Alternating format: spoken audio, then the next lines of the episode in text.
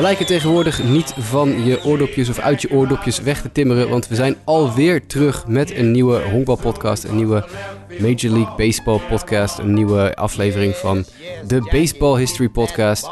Welkom, mijn naam is Jasper Roos, Sport Amerika's managing editor en bij mij opnieuw mijn vaste geschiedenispartner in crime, Sander Grasman. Hey Sander. Hoi Jasper. Sander, we gaan het vandaag hebben over de draft. Dat komt natuurlijk mooi uit, want de draft was deze week. En de mensen die naar deze show luisteren en misschien ook naar de andere show en onze site in de gaten houden, zijn doodgegooid met draft coverage de laatste week. Want we hebben een aparte draft show opgenomen. We hebben zondag in de podcast nog over de draft gehad. Er zijn, ik geloof, zes of zeven artikelen verschenen. En morgen ga ik nog een keer met Justin om de tafel om over de draft van afgelopen maandag te praten. Maar wij vandaag gaan terug de tijd in en wij gaan praten over draftgeschiedenis. Ten eerste de historie van de draft. Even kort benoemen natuurlijk, want het is helemaal niet zo... Uh, nou ja, het is wel vrij lang, maar het is niet dat je denkt van het is vanaf het begin af aan bij honkbal altijd al dat er een draft was. En we gaan nog eens even kijken naar wat natuurlijk het leukste is, naar de grootste uh, ja, breakout sterren die in lage rondes gedraft zijn en vervolgens toch uitgegroeid zijn tot supersterren. Um, dit jaar, uh, ja, dat is, hebben we kunnen merken, hebben de Baltimore Orioles als eerste gekozen in de MLB draft. Zij kozen Adley Rutschman, de catcher van Oregon State. En op dit moment is dat een volkomen logische keuze. Iedereen is het erover eens dat is de beste speler in college baseball. Maar ja, je weet natuurlijk nooit of er over tien jaar hetzelfde over gedacht wordt. Dus Sander, laten we gaan kijken naar de historie van de draft. Het, het begin van de draft. Want dan moeten we helemaal terug naar 1965. Ja, in 1965 werd de eerste MLB draft gehouden. Dat uh, was, nou, zoals het ook al gebruikelijk is in andere Amerikaanse sporten, om de wat laag geclasseerde teams, de kleinere teams, een uh, eerlijkere kans te geven, zodat dat zij in de draft de beste spelers als eerste mochten kiezen. En zo uh, terugwerken naar de beste teams die als laatste kiezen. En dat werd in 1965 dus ook in de Major League geïntroduceerd. Destijds was Rick Monday de eerste speler die gekozen werd. Hij werd gekozen door de toen nog in Kansas City spelende Athletics.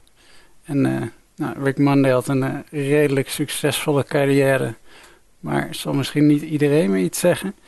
Het, uh, het, was in het begin van de draft heel gewoon dat de teams vooral zich richten op high school spelers. Die hadden natuurlijk de, een grotere upside dan college spelers. Maar Bill James. Ik denk dat de meeste van onze luisteraars die wel kennen. De, ja, hoe moet je het noemen? Een uh, data-analyst. De, de sabermetrics man bij uitstek heeft uh, onderzoek gedaan naar de, de resultaten van de verschillende college spelers en high school spelers die in het begin gedraft werden. En hij constateerde dat vaak de college spelers veel succesvoller waren. Dus dat die tactiek van vooral high school spelers draften was nou, helemaal niet uh, een slimme tactiek. En uh, dat veranderde dus langzaam ook. In de jaren 70 werden er al ongeveer net zoveel college spelers gedraft. En uiteindelijk er, werden er steeds, uh, namen ze zelfs de overhand. Je zag ook een, een verandering in het tekengeld door de draft. Voor de draft konden clubs dus gewoon een speler aantrekken en hem met een grote signing fee hun uh, kant op lokken. Dat uh, verdween natuurlijk bij de draft en dus was, uh, nam het tekengeld af. Het jaar voor de draft had Rick Rijkaard nog een recordbonus van meer dan 2 ton gekregen toen hij Dat zou voor draftees zou dat een lange tijd een onhaalbare hoge bonus zijn. Die, de bonussen bleven na de draft wel weer gestaag groeien. En in 1986 was het Bo Jackson. We hebben hem al uitgebreid besproken in onze Two Sport aflevering. Bo Jackson was de eerste speler die een bonus kreeg van meer dan een miljoen dollar. Maar dat stond eigenlijk nog in schil contrast met wat Bo Jackson kon krijgen van de Tampa Bay Buccaneers. Als hij daar getekend had. Dat weigerde hij. Maar hij zou daar 7 miljoen hebben gekregen om in de NFL uit te komen voor de Buccaneers. Ja, je ziet in die tijd een beetje ontstaan wat nu ook vaak nog gebeurt. Hè? Dat verschil wat je ook zegt tussen high school en college spelers. Uh, heel goede high school spelers, die moet je altijd iets meer geld bieden nu. Want ja, als ze niet genoeg krijgen, dan zeggen ze vaak: hey, ik ga naar, naar college en ik probeer het over een paar jaar in de draft nog een keer. En ja, daardoor krijg je steeds hogere ja, bonus-eisen natuurlijk ook. En worden er ook regelmatig spelers niet gedraft die eigenlijk wel talent genoeg zouden hebben om gedraft te, te worden. Omdat ja, teams weten, deze speler wil niet tekenen, tenzij hij 1, 1,5, 2 miljoen extra krijgt of zo. Dus dat is uh, die, die two-sport star die Bo Jackson was, heeft daar ook wel iets, iets mee te maken. Er is dit jaar weer eentje geweest, Maurice Hampton, die ik in de eerste ronde had uh, voorspeld. En die ook gezegd heeft, jongens, ik ga lekker American voetballen bij LSU. Dus die heeft niet getekend. Um, daar is ook Kyler Murray's... Uh, ja, Kyler Murray is inderdaad ook een heel vergelijkbaar verhaal inderdaad. Ja, dat is nog een heel erg fout afgelopen ja. kwestie inderdaad. Dat heeft teams misschien wat afgeschrikt om nu uh, nog een gokje te wagen. Ja, nou ja, nu kan je maar beter heel goed je onderzoek doen als team om te kijken of iemand wel geïnteresseerd is. Er zijn nog steeds wel teams die het, die het doen hoor, die gewoon echt zeggen, luister, deze speler willen wij en we doen er alles aan om uh, extra geld te kunnen bieden. Dus dat, uh, dat levert wel leuke dingen op. Maar inderdaad, die highschoolers die, uh, die kunnen schermen met hun scholarships. Dat is altijd een uh, fascinerend element. Um, maar die draft, het ontstaan van die draft hebben we het over 56 en door de jaren 70 heen naar de jaren 80. En normaal gesproken werd een draft eigenlijk altijd gezien als niet zozeer het, het binnenhalen van de volgende superster, maar altijd het blijven vullen van je team met spelers die de ene superster die je hebt kunnen, ja, kunnen ondersteunen, zeg maar. Maar als we iets hebben gezien in de laatste nou, 10, 15 jaar, is dat als een, een uh, organisatie meerdere first round picks achter elkaar heeft, of meerdere uh, goede draftkeuzes doet in een korte periode tijd, dat er wel degelijk een. Uh, ja, als je goed draft, kan je een serieus succesvol team samenstellen. Dus dat hebben de Houston Astros natuurlijk nog bewezen met, met Carlos Correa, Alex Bregman, George Springer, dat soort jongens. Die allemaal in verschillende drafts opgevist zijn hoog, hoog in de verschillende drafts. Dus als je goed draft in de, in de hoge regionen, dan kan je heel erg succesvol zijn. Want de Astros zijn inmiddels alweer enige tijd zeer, uh, ja, doen mee in de bovenste regionen van de American League. Toch, Sander, is een hoge draft pick geen garantie voor succes. En dat is misschien wel ja, het punt waar de mensen uh, thuis het meest uh, op zitten te wachten nu.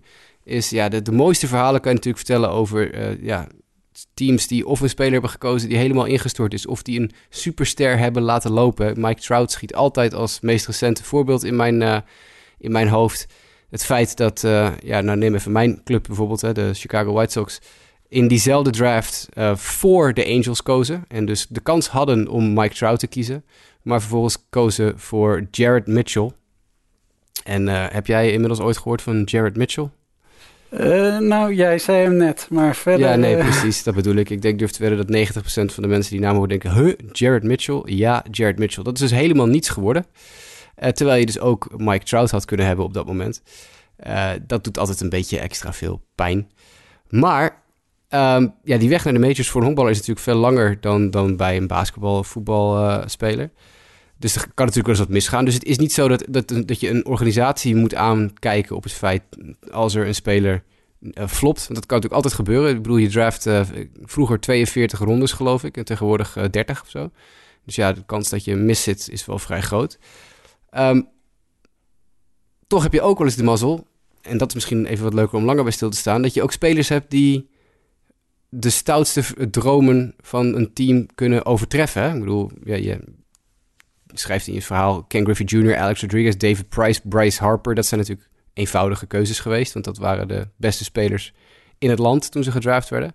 Maar er zijn ook meerdere, en misschien heb je daar een leuk voorbeeld van, meerdere spelers die ruimschoots hun verwachtingen hebben overtroffen. Ja, nee, je had het net over Mike Trout. Mike Trout's teamgenoot Albert Pujols is natuurlijk ook een speler die nou ja, van zijn generatie de beste speler was. De eerste tien jaar van zijn carrière waren, nou, zijn ongeveer ongevenaard, zo goed als hij was. Maar toch zijn er 201 spelers, volgens mij, als ik het goed zeg, voor hem gekozen in de draft van 1999. Uh, eh, die, uh, daarvan hebben er maar liefst 290 nooit de Major League gehaald. En St. Louis hadden dus met een uh, 402e keuze de, ja, de beste speler van de, de volgende tien jaar in huis. Uh, dat had niet per se had hij zo laat opgepikt kunnen worden. Want Pujols had wel stevig, nee, niet zo stevige eis. Hij had één stevige eis. En dat was dat de organisatie die hem zou oppikken, dat die ook uh, zijn opleiding zou financieren. Hij had zijn uh, echtgenote beloofd dat hij een, eh, een vangnet zou hebben, mocht het honkballen niet lukken. En hij had haar ook beloofd dat als hij in de eerste, na drie jaar, meen ik, niet in de, in de majors zou spelen, dan zou hij er de brui aan geven en zou hij zich op zijn maatschappelijke carrière richten. Dus hij eiste van teams dat, hij, dat zij naast het tekengeld, dat zo'n 30.000 dollar moest zijn, eenzelfde bedrag aan zijn opleiding, in zijn opleiding zouden steken. En dat was voor de Boston Red Sox uh, een reden om in de tiende ronde toch af te zien van uh, Pujols. Ze hadden contact gezocht met zijn agent, maar uh, ze werden afgeschrikt door, door deze eis en lieten hem dus lopen. En drie rondes later was het St. Louis dat, uh, dat hem oppikte. Nou ja, we weten allemaal natuurlijk uh, hoe goed hij is geworden. Maar er was al iemand die destijds het zag. Het, dat was een scout die werkte voor de race. Dat was Fernando Arango. Hij is een geboren Cubaan, maar hij was scout voor de race. En hij scoutte in de regio rond Kansas City, waar Pujols op dat moment speelde in een uh, community college. En uh, Arango was helemaal weg van uh, de swing van uh, Pujols en wilde hem zeker halen. En Tampa Bay was, had als, mocht als eerste kiezen, dus ze waren in een pole position om hun beste spelers te kiezen. En ze kozen met hun eerste pick kozen ze Josh Hamilton dat jaar. Nou, die is later natuurlijk ook nogal succesvol geworden, al was het niet bij Tampa Bay. En in met de tweede ronde koos Carl Crawford, nog een speler die natuurlijk uitgegroeid is tot een uh, zeer goede major leaguer. Maar Pujols had toch wel de hoop dat hij in de, in de derde ronde zou worden opgepikt. En was natuurlijk niet echt, uh, was danig teleurgesteld dat, hij, dat ze hem toen lieten lopen. Maar hij zou nog langer moeten wachten. En uiteindelijk heeft hij Arango, toen de Tampa uiteindelijk helemaal niet gekozen had voor Pujols, zelfs een ontslag ingediend. Want hij had er uh, helemaal genoeg van nadat ze zijn uh, gouden tip uh, zo hadden laten lopen. Ja, maar ja, teams kunnen natuurlijk niet altijd op iedere gouden tip of, of iedere push ingaan. Uh, wel, wel een grappig verhaal natuurlijk dat die, uh, die man zo geloofde in Pujols dat hij uh, uiteindelijk besluit dat hij op die manier niet meer voor die organisatie wil werken. Maar nou is Pujols, zei al, dertiende ronde. Maar dat, ja, het, het, mooiste voorbeeld vind ik altijd van een speler die uit het niets kwam en super laat gedraft werd, blijft voor mij toch altijd hè, Mike Piazza, de, de Hall of Fame catcher van de, onder andere LA Dodgers en New York Mets. Uh, want het feit dat de Dodgers Piazza draften in, ik geloof, de 42e ronde of zo. Volgens mij um, zelfs 62. 62. Oh ja, dat was die periode dat je nog uh, boven de 40 ging. Tegenwoordig ja. zijn het geloof ik 40 en toen ging ze nog boven de 60, 62e ronde. Uh, het was eigenlijk meer een vriendendienstje, denk ik, hè, voor, voor de vader van Mike Piazza. Want die was bevriend met legendarische Dodgers-figuur Tommy Lasorda. Ja, die Lasorda was zelfs de, de peetoom van de de broer van Mike, die ook Tommy heet, Tommy Piazza.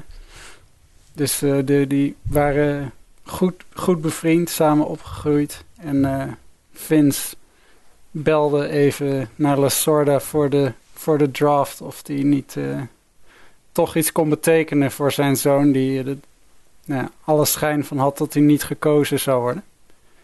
En uh, La Sorda liet hem komen voor een workout. En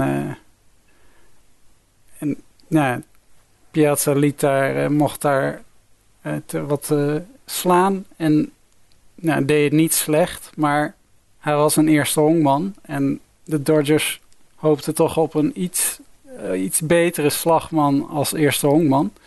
Dus uh, vroeg maar, wat als ik nou zeg dat hij een korte stop is? Zou je hem dan wel nemen? Ja, dan zou hij hem wel nemen. En als ik zeg dat hij catcher is, ja, dan zou hij hem ook nemen. Oké, dan is hij vanaf nu af aan een catcher.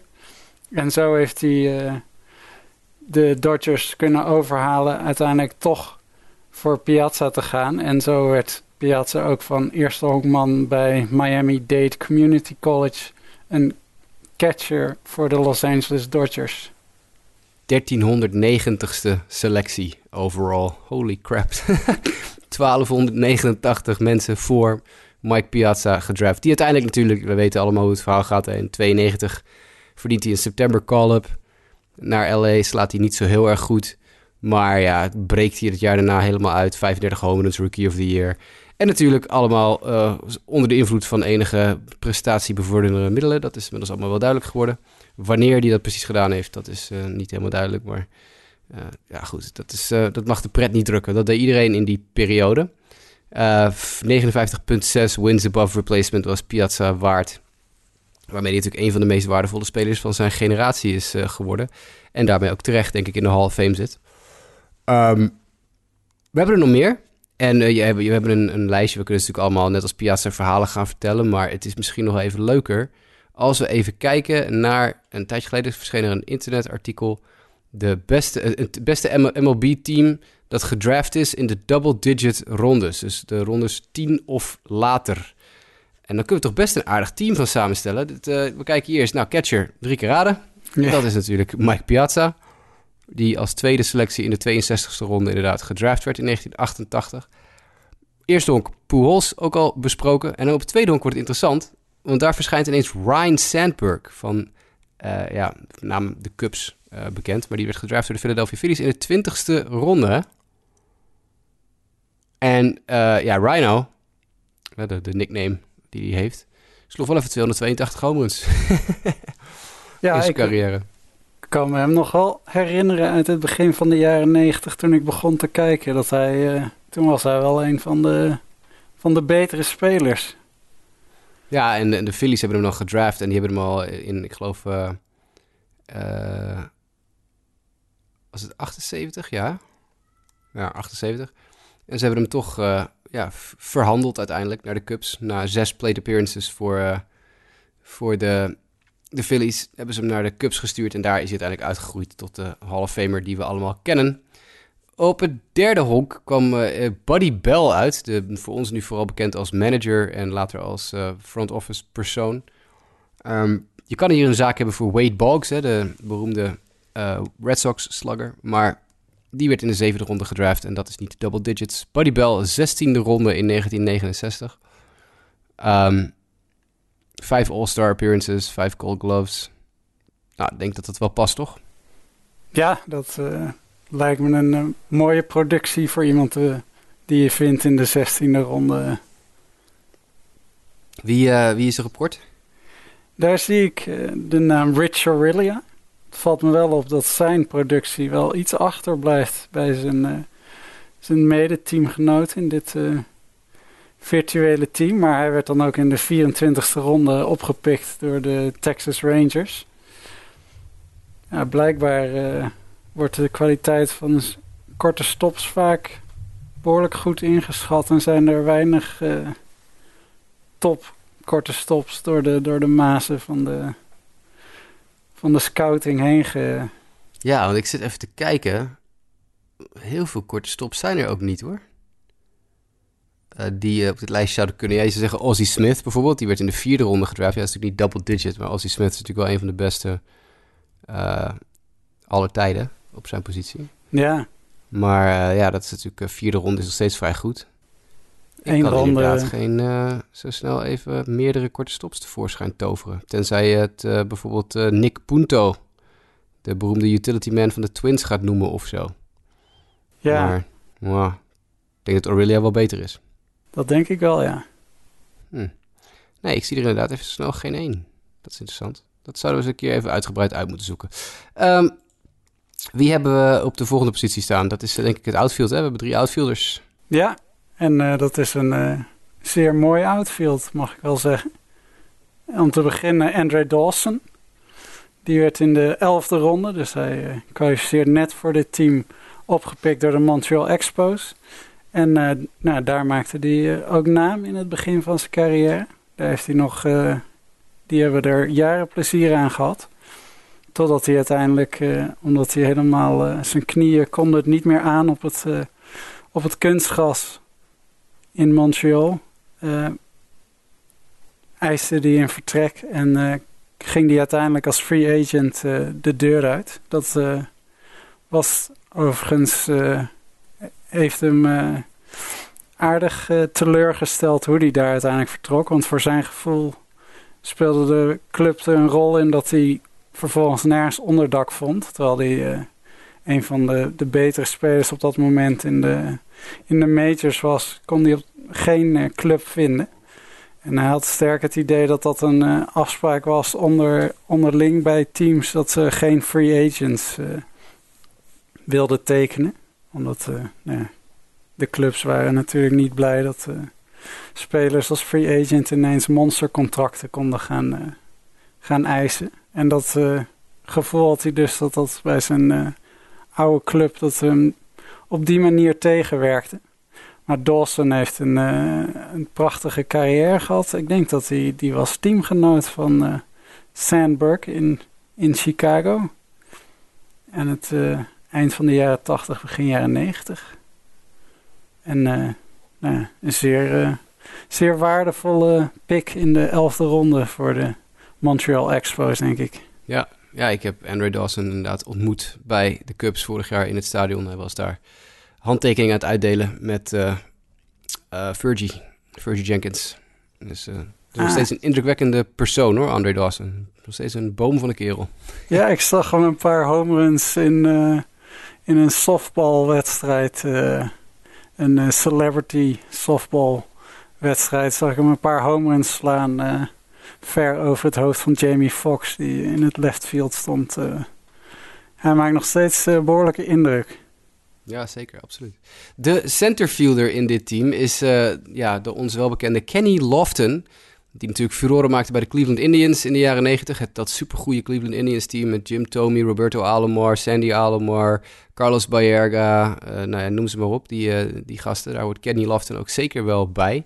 Maar vergeten regelmatig dat hij uh, ja, niet begonnen is aan zijn carrière bij de, de Indians. Maar bij de Houston Astros in de 17e ronde werd gekozen in 1988. En toch een career wins above replacement van 62,4.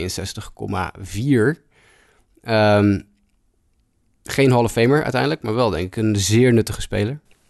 Ja, ik moet bij Kenny Lofton altijd aan uh, Willie Mays Hayes denken. Ja, ik denk ook zeker dat het personage uh, Willie Mays Hayes en, en Kenny Lofton ja, niet voor elkaar gemaakt zijn, maar wel uh, dat er wel een link is hoor. Want het is inderdaad heel erg, ja, typische lead-off hitter, Kenny Lofton. Misschien wel een van de beste lead-off hitters die ik ooit gezien heb. Met natuurlijk, ja, van 1992 tot 1996 de league aanvoeren in steals. Meer dan 50 steals in één seizoen, zes keer. Zes, zes seizoenen gehad van meer dan 50 steals. Dus dat is, uh, het was een speedy dude. In het rechtsveld treffen we een naam aan die ik niet 1, 2, 3 er had geplaatst. Maar als je toch dieper in die statistieken kijkt, dan denk ik, ja, dit is toch inderdaad er wel eentje die er absoluut hoort. Dat is Mike Cameron. Die natuurlijk uh, later in zijn carrière bij de ik geloof de Reds en de Mariners nog gezeten heeft. Maar het gedraft is in de 18e ronde in 1991 door de Chicago White Sox. En uiteindelijk toch een career war van 50,7 heeft bij elkaar verzameld. En de reden denk ik dat wij natuurlijk niet goed uh, over ja, Mike Cameron denken... is omdat hij een hoog strikeout percentage had voor de tijd waarin hij speelde. Bijna 25 procent, 24, nog wat procent. Maar dat is tegenwoordig allemaal heel normaal. dus ik denk dat Cameron uh, een paar jaar te vroeg in de majors terecht is gekomen. Want die was in... Uh, ja, in de huidige Major League een absolute, absoluut beest geworden. Sloeg 278 homeruns in zijn carrière en stal 297 honken over zijn hele carrière. Ja, dat, dat zijn natuurlijk getallen waar je thuis mee kan komen. Ik denk dat hij het dubbel had geslagen als hij in deze tijd had gespeeld. Ja, hij is, uh, als je zo zijn statistieken ziet, dan is hij uh, gemaakt voor deze, deze tijd. Ja, 24,1 strikeout percentage. Dat is, dat is nu zo ongeveer nou, nog onder gemiddelde. En 11% walk rate van hem is boven het gemiddelde, geloof ik. Dus ja, dit is er wel eentje hoor. Ik kan me hem herinneren laat in zijn carrière dat hij naar Boston kwam. Heeft oh ja, hij is nog in Boston geweest. Hij was betrokken in de Ken Griffey deal, toch? Hij zat bij de Reds en volgens mij toen Griffey door de Reds werd gekocht, toen de Mariners en de Reds die trade voor Griffey maakten, was dacht ik Cameron de speler die naar Seattle ging in ruil voor Griffey. Dat zou goed kunnen. Dat ga ik even controleren, zoals ik altijd in deze show live dingen controleer. Want al pratende over dit soort geschiedenisdingen schieten mij altijd dingen in mijn gedachten. En dan moet ik even kijken of dat klopt. Uh, ja, inderdaad. In twee, vlak voor het seizoen 2000 werd Mike Cameron getrade naar de uh, Seattle Mariners in ruil voor Ken Griffey.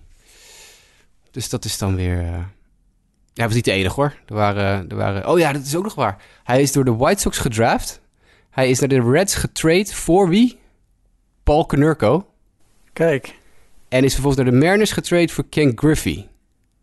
Nou, dat, dat, zijn toch serieuze, ja, serieuze namen waar je dan eventjes eh, een paar keer voor getrade werd. Ging en, jij één op één met Ken Griffey? Nee, nee, nee. Er waren nog drie andere spelers uh, bij betrokken. Ik weet even niet meer wie. Kan ik eventjes opzoeken. Maar ze waren met z'n vieren. Ah, oké. Ik dacht al. Nee, nee, nee, nee, niet één op één. Dat zou wel heel erg zijn. Jake Meyer, Antonio Perez, Brett Tomko. Brett Tomko is de enige die me nog wat zegt. En Mike Cameron. Uh, was het pakketje dat voor Griffey naar Seattle ging. Dat is toch eigenlijk ook een steal, want Meyer en Perez hebben nooit wat gedaan. Tomko is redelijk geweest en Cameron was toen al uh, een dagje ouder. Dus nou ja, oké, dat, dat zei zo. hij is ook natuurlijk bekend, Mike Cameron. Dan houden we op over Cameron, want dat is veel te lang gepraat over een obscure speler.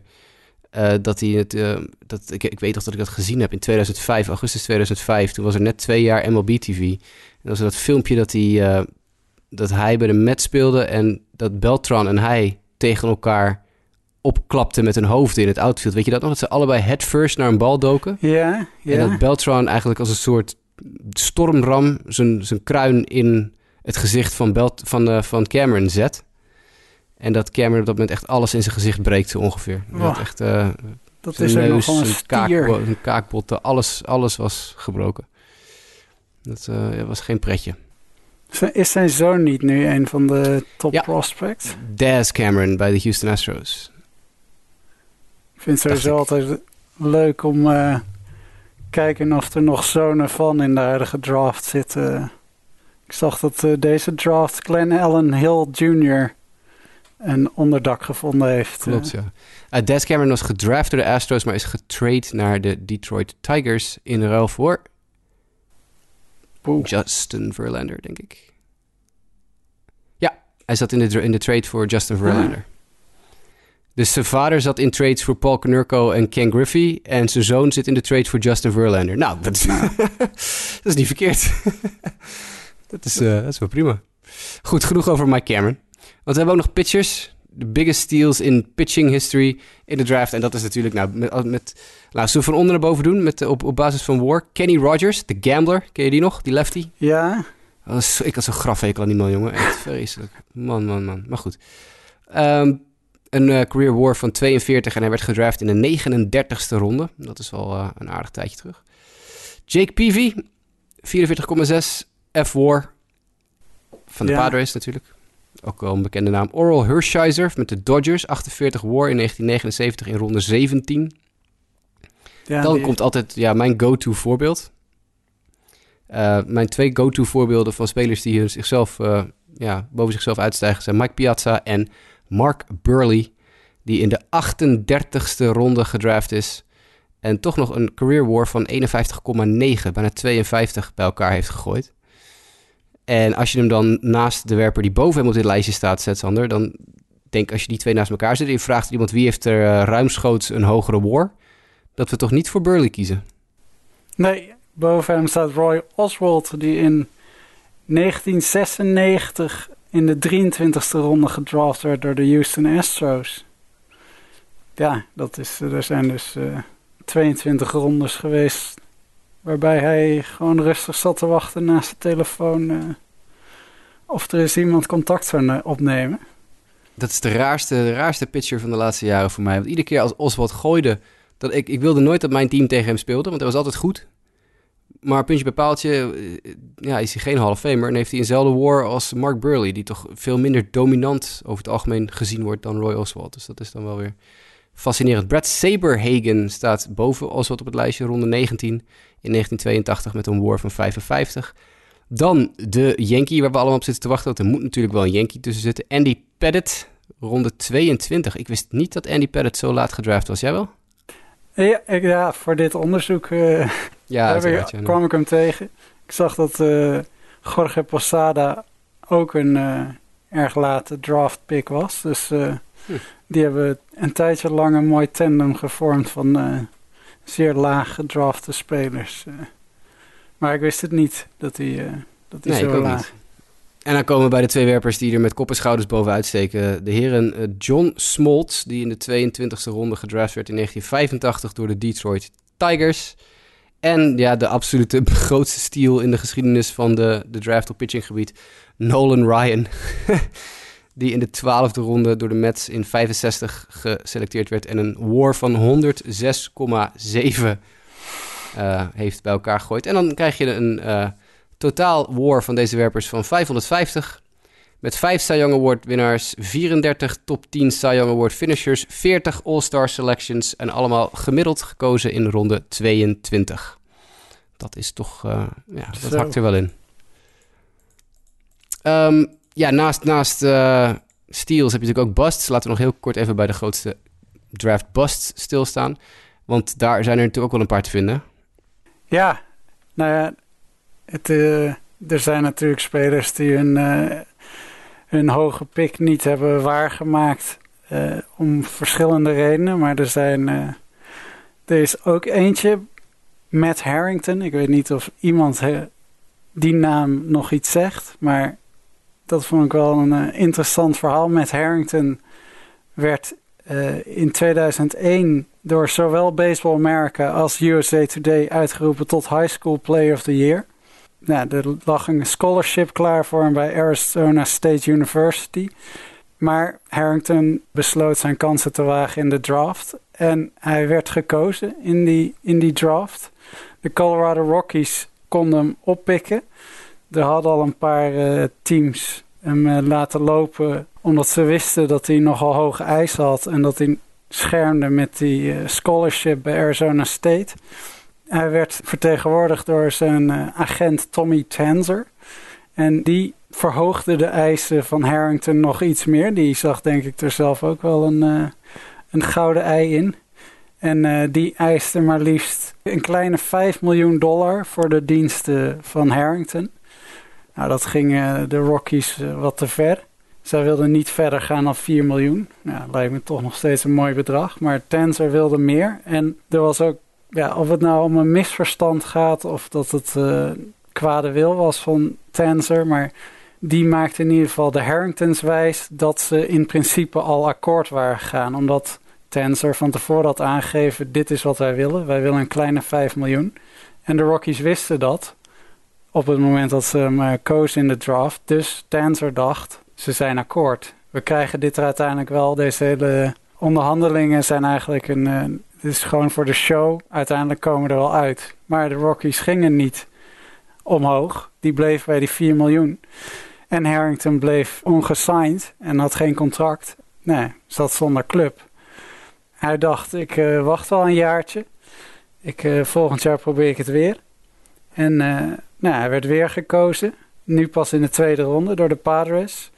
En weer ging Tanzer de onderhandelingen in door het allerhoogste te, te eisen. En op een gegeven moment waren de Harringtons wel een beetje het vertrouwen kwijt in Tensor. En toen hebben ze gezegd, nou, bedankt voor je diensten, maar uh, we kiezen voor iemand anders. Toen kwam Scott Boris. Nou, dat is natuurlijk de grote, grote naam. Die kwam, er, uh, kwam hem vertegenwoordigen en die ging de onderhandelingen verder voeren. Maar ook nu kregen ze niet wat, uh, wat ze wilden. Ze wilden zo'n 2,5 miljoen. En de Padres wilden niet voor meer dan 1,2 eh, miljoen gaan. Want ja, ze, het was een speler die al enigszins uh, een reputatie had. Die had een, had een jaar niet gegooid.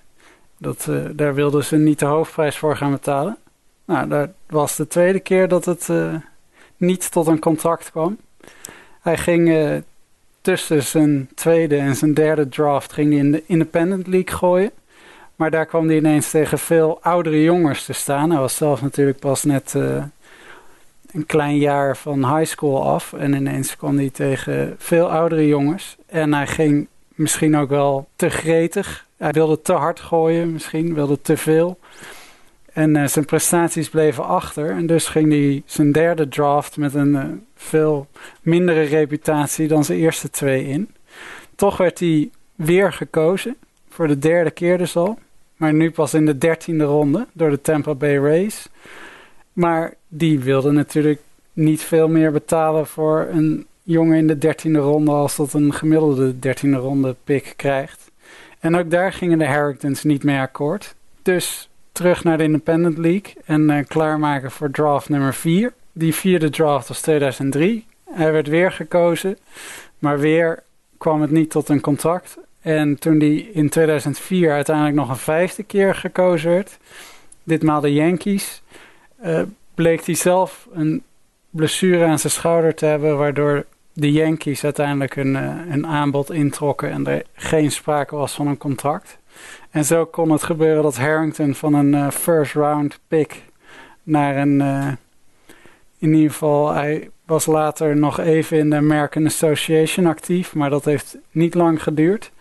En het laatste wat ik van hem kon vinden was die uh, werkte die op de autobandenafdeling van de plaatselijke Costco voor 11 dollar per uur.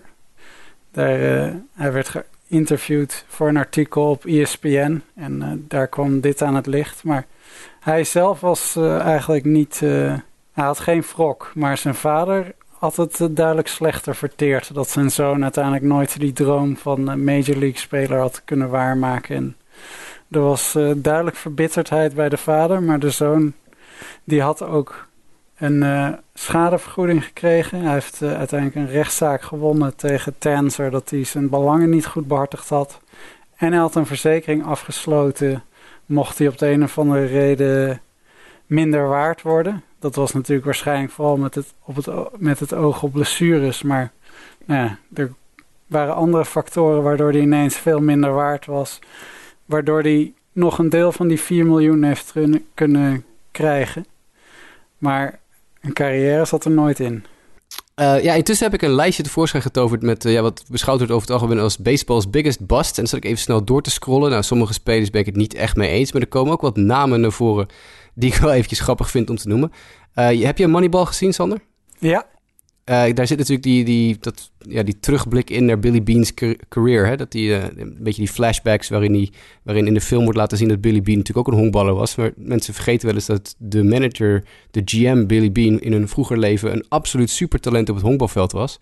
En ook als zodanig gedraft is. Hij zou de absolute nieuwe superster moeten worden. Alleen dat is hij nooit geworden. Dus Billy Bean is ook wel een beetje een draft bust te noemen. Ondanks dat hij natuurlijk succesvol is geworden als GM. Uh, Clint Hurdle, de huidige manager van de Pittsburgh Pirates, is ook een enorme bust. Is ook heel hoog, uh, heel hoog gedraft. Ook wel een goede altijd. Waar ik altijd aan moet denken is uh, Matt Anderson. De werper van onder andere de Detroit Tigers. Die heb ik nog zien gooien in, heel laat in zijn carrière voor de Rockies. Maar ja, die had echt in, geloof midden jaren negentig of zo... first overall gekozen. Hè? Dus eerste, eerste ronde, yeah. eerste pick. 100 mijl per uur fastball, wat toen echt uniek was. En ja, uiteindelijk helemaal niks geworden. Uh, ook altijd een leuk is Corey Patterson, die natuurlijk wel nog een Major League carrière heeft opgebouwd. Maar ook Corey Patterson werd in die tijd, uh, in de early 2000s, 2004 of 2003, 2002 daar in de buurt, uh, genoemd als de, ja, de, de grote nieuwe superster. Chris Benson, die uiteindelijk als eerste overall gekozen wordt, maar uiteindelijk minder bekend is dan zijn vrouw, Anna Benson. Ken je Anna Benson? Ja, ja. Ja, ja, ja dat is, die vergeten we nooit. um, En dan kom ik bij, de, de, op deze lijst staat nog, en daar heb ik wel een mooi verhaal bij, nog even heel kort. Uh, Dewan Brazelton. Dewan Brazelton, de pitcher van de Tampa Bay Rays, onder andere. Um, toen nog Devil Rays. Heb je dat verhaal wel eens gehoord? Want volgens mij is dit een, heeft Mart Smeets dit ooit in een column in het Haarlems Dagblad geschreven. Oké, okay, nee. Weet je, weet je wie Dewan Brazelton's college catcher bij Middle Tennessee was? Nee. Dat was Tjerk Smeets, voormalig ah. uh, Nederlands teamcatcher en uiteraard zoon van Mart Smeets. Die heeft een tijdje in Amerika gehombald. Uh, en op een gegeven moment, die Dewan Brazelton was natuurlijk de volgende superster, zou die worden voor de Tampa Bay Rays, de, de nieuwe werperster.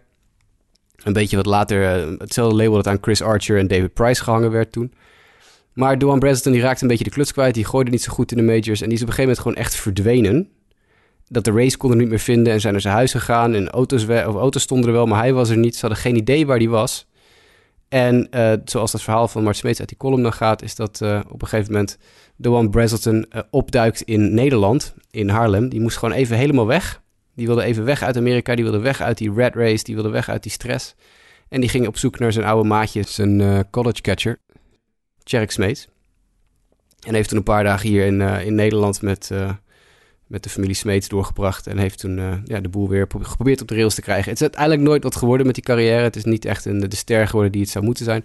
Maar ik vind dat, op een of andere manier ben ik die column nooit vergeten. Het is een schitterend verhaal natuurlijk. Dat je even na zoveel jaar en zoveel miljoenen contracten en dikke auto's... als je dan eventjes jezelf ja, wil, op, opnieuw wil uitvinden of eventjes wil, wil relaxen wat ga je doen? Dan ga je op zoek naar je oude catcher aan de andere kant van de wereld. Dat vind ik dan vind ik altijd een mooi verhaal. Daar moet ik altijd aan denken als ik de naam One Brazelton zie. Maar dan was het dus wel een goede, goede klik, denk ik. Als die, uh... Dat denk ik wel, ja. ja nou ja, goed. Tjerk was ook een goede catcher natuurlijk, uh, toen hij nog speelde. Laten we dat niet vergeten. Um, Tjerk die ooit nog een keer een impromptu home run derby uh, heeft gewonnen in, tijdens de honkbalweek. Toen er een rain delay was geweest en de wedstrijd afgelast was, werd er voor de lol nog even een home run derby gedaan. Godskleren, wat kon die jonge ballen het zuiden. Maar dat is een ander verhaal. Um, Joe Borchert vind ik ook altijd een mooie. Uh, gigantische bonus gekregen in 2000 uh, als first round pick. Uh, minor league career leader in home runs of iets in die geest. Heeft nog steeds het record voor de verste home run geslagen in het stadion van de White Sox. 500 nog wat voet, maar nooit wat geworden. Uh, de huidige Twins manager, Rocco Baldelli, staat ook op het lijstje. Want dat was ook een nieuwe superster in wording. Maar ja, goed, uh, de gezondheid ja. liet hem even in de steek. Dus dat is ook helaas nooit wat geworden. Nou ja, Mark, Mark Pryor vind ik een beetje lullig om erop te zetten. Want ja, die heeft ook blessureproblemen gehad. Maar ja, laten we wel wezen. Pryor is ook nooit geworden wat we van hem hadden gehoopt. Nee. Um, we hebben er meer. Matt Bush. Natuurlijk ook een beetje gestoord bleek te zijn. Wel weer de majors heeft gehaald uiteindelijk toen hij wat later in zijn carrière was. Maar ook een beetje de mafcase. En dan heb je zo'n beetje de bekendste namen wel gehad. Dus dan laten we het daar maar even bij. Ja, je hebt zelfs nog een paar eerste eerste keuzes die uh, nooit de majors hebben gehaald. Dus misschien ook nog wel een leuk statistiekje dat dat er drie zijn. Steve Chilcott, Mike Apple en Brian, Taylor. Die laatste was uiteindelijk gebaseerd geraakt toen hij uh, verhaal kwam halen bij iemand die zijn broer een tik had gegeven. En toen onderuit ging, naar eigen zeggen zou hij geduwd zijn. De ander die bij het gevecht betrokken was, zei dat hij hem probeerde een, eh, een haymaker uh, tegen de grond te slaan en toen zelf tegen de grond ging. Dus dat was ook een uh, treurig verhaal. Volgens Scott Boris was dat uh, de beste pitcher die hij ooit had gezien.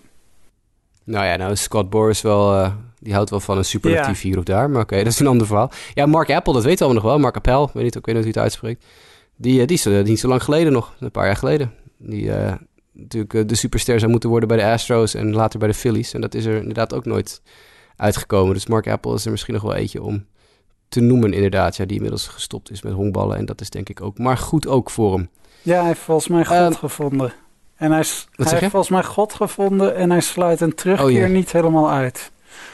Oké, okay, nou hij is pas, even kijken, 28. Ja, Ish. Dus dat is niet onmogelijk. Matt Bush heeft tenslotte ook op latere leeftijd nog de majors gehaald als reliever. Ja, en dat na drie jaar niet gooien omdat hij in de bak zat. Ja, precies. Dus wie weet is... Uh... En laten we wel wezen, als Bartolo Colon op zijn vijftigste ook nog steeds de majors kan gooien... dan moet een 28-jarige voormalig Stanford ace dat ook wel kunnen natuurlijk. Dus wie weet zien we Mark Appel nog wel eens terug. Nou, dan zijn we de geschiedenis van de draft door, uh, Sander. We zijn uh, beginnen, begonnen aan het begin en we hebben ons een weg gebaand door de busts en de sterren en de steals en noem maar op. Dat betekent uh, dat we een einde gaan breien aan deze uitzending. Dat betekent ook dat ik de mensen die dit nu uh, tijdig luisteren, en bij tijdig bedoel ik of op woensdag 5 juni of op donderdag 6 juni, dat ik kan zeggen dat morgen, oftewel donderdag, er de laatste draftshow op het programma staat voor de Just a Bit Outside podcast. Dan gaan Justin en ik met z'n tweeën eventjes de eerste ronde van de draft doorlopen en analyseren wat er goed ging, wat er fout ging en waarom teams bepaalde spelers hebben gekozen. Ben je nou nieuwsgierig waarom jouw team die speler heeft gekozen? Dan uh, kunnen we dat mooi morgen even bespreken. Sander, jouw team zit niet in die podcast, want de Boston Red Sox hadden geen eerste ronde selectie dit jaar. Ja, ik uh, Ik had het gezien, ja. Helaas, sorry, ik kan je niks vertellen over je, ja, wat de Red Sox uh, gedaan hebben. Uh, Sander, dankjewel dat je ook weer uh, aanwezig was en de dingen weer uitgezocht had die we nodig hadden om weer drie kwartier vol te praten over, in dit geval, de draft. Over twee weken hadden wij in eerste instantie op programma staan de hitstreak van Joe DiMaggio. Ik zeg niet dat we die al out the window hebben gegooid, maar er bestaat een kans dat we gaan vervangen, geloof ik, hè? Ja, omdat we vanaf dan een beetje willen gaan toeleven naar de London Series, houden we even open dat we iets aan de, aan de internationaal honkbal gaan uh, besteden. De Major League wedstrijden in het buitenland. Ja, want gek genoeg, hoewel wij natuurlijk uh, jaren dat niet gezien hebben, hebben we wel situaties van zeker, ik geloof, 80 à 100 jaar geleden, dat er nog wel teams uit de Major League de wereld over reisden om daar wedstrijden te spelen en de sport op die manier meer rugbaarheid te geven. We gaan nog even bedenken wat we over twee weken gaan doen. Voor nu, Sander, hartstikke bedankt. Ik spreek jou over twee weken weer. Ja, tot dan. En luisteraars, graag bedankt. En uh, luister naar de shows die nog komen deze week. Morgen dus donderdag een draftshow. En maandag zijn we weer met een gewone Just a Bit Outside. Maandag aan het eind van de dag. Want het is Pinksterweekend, dus we zijn allemaal een beetje vrij en ja, druk en zo. Dus luister ook zeker naar deze twee shows die nog aan zitten te komen. Voor nu bedankt en tot ziens.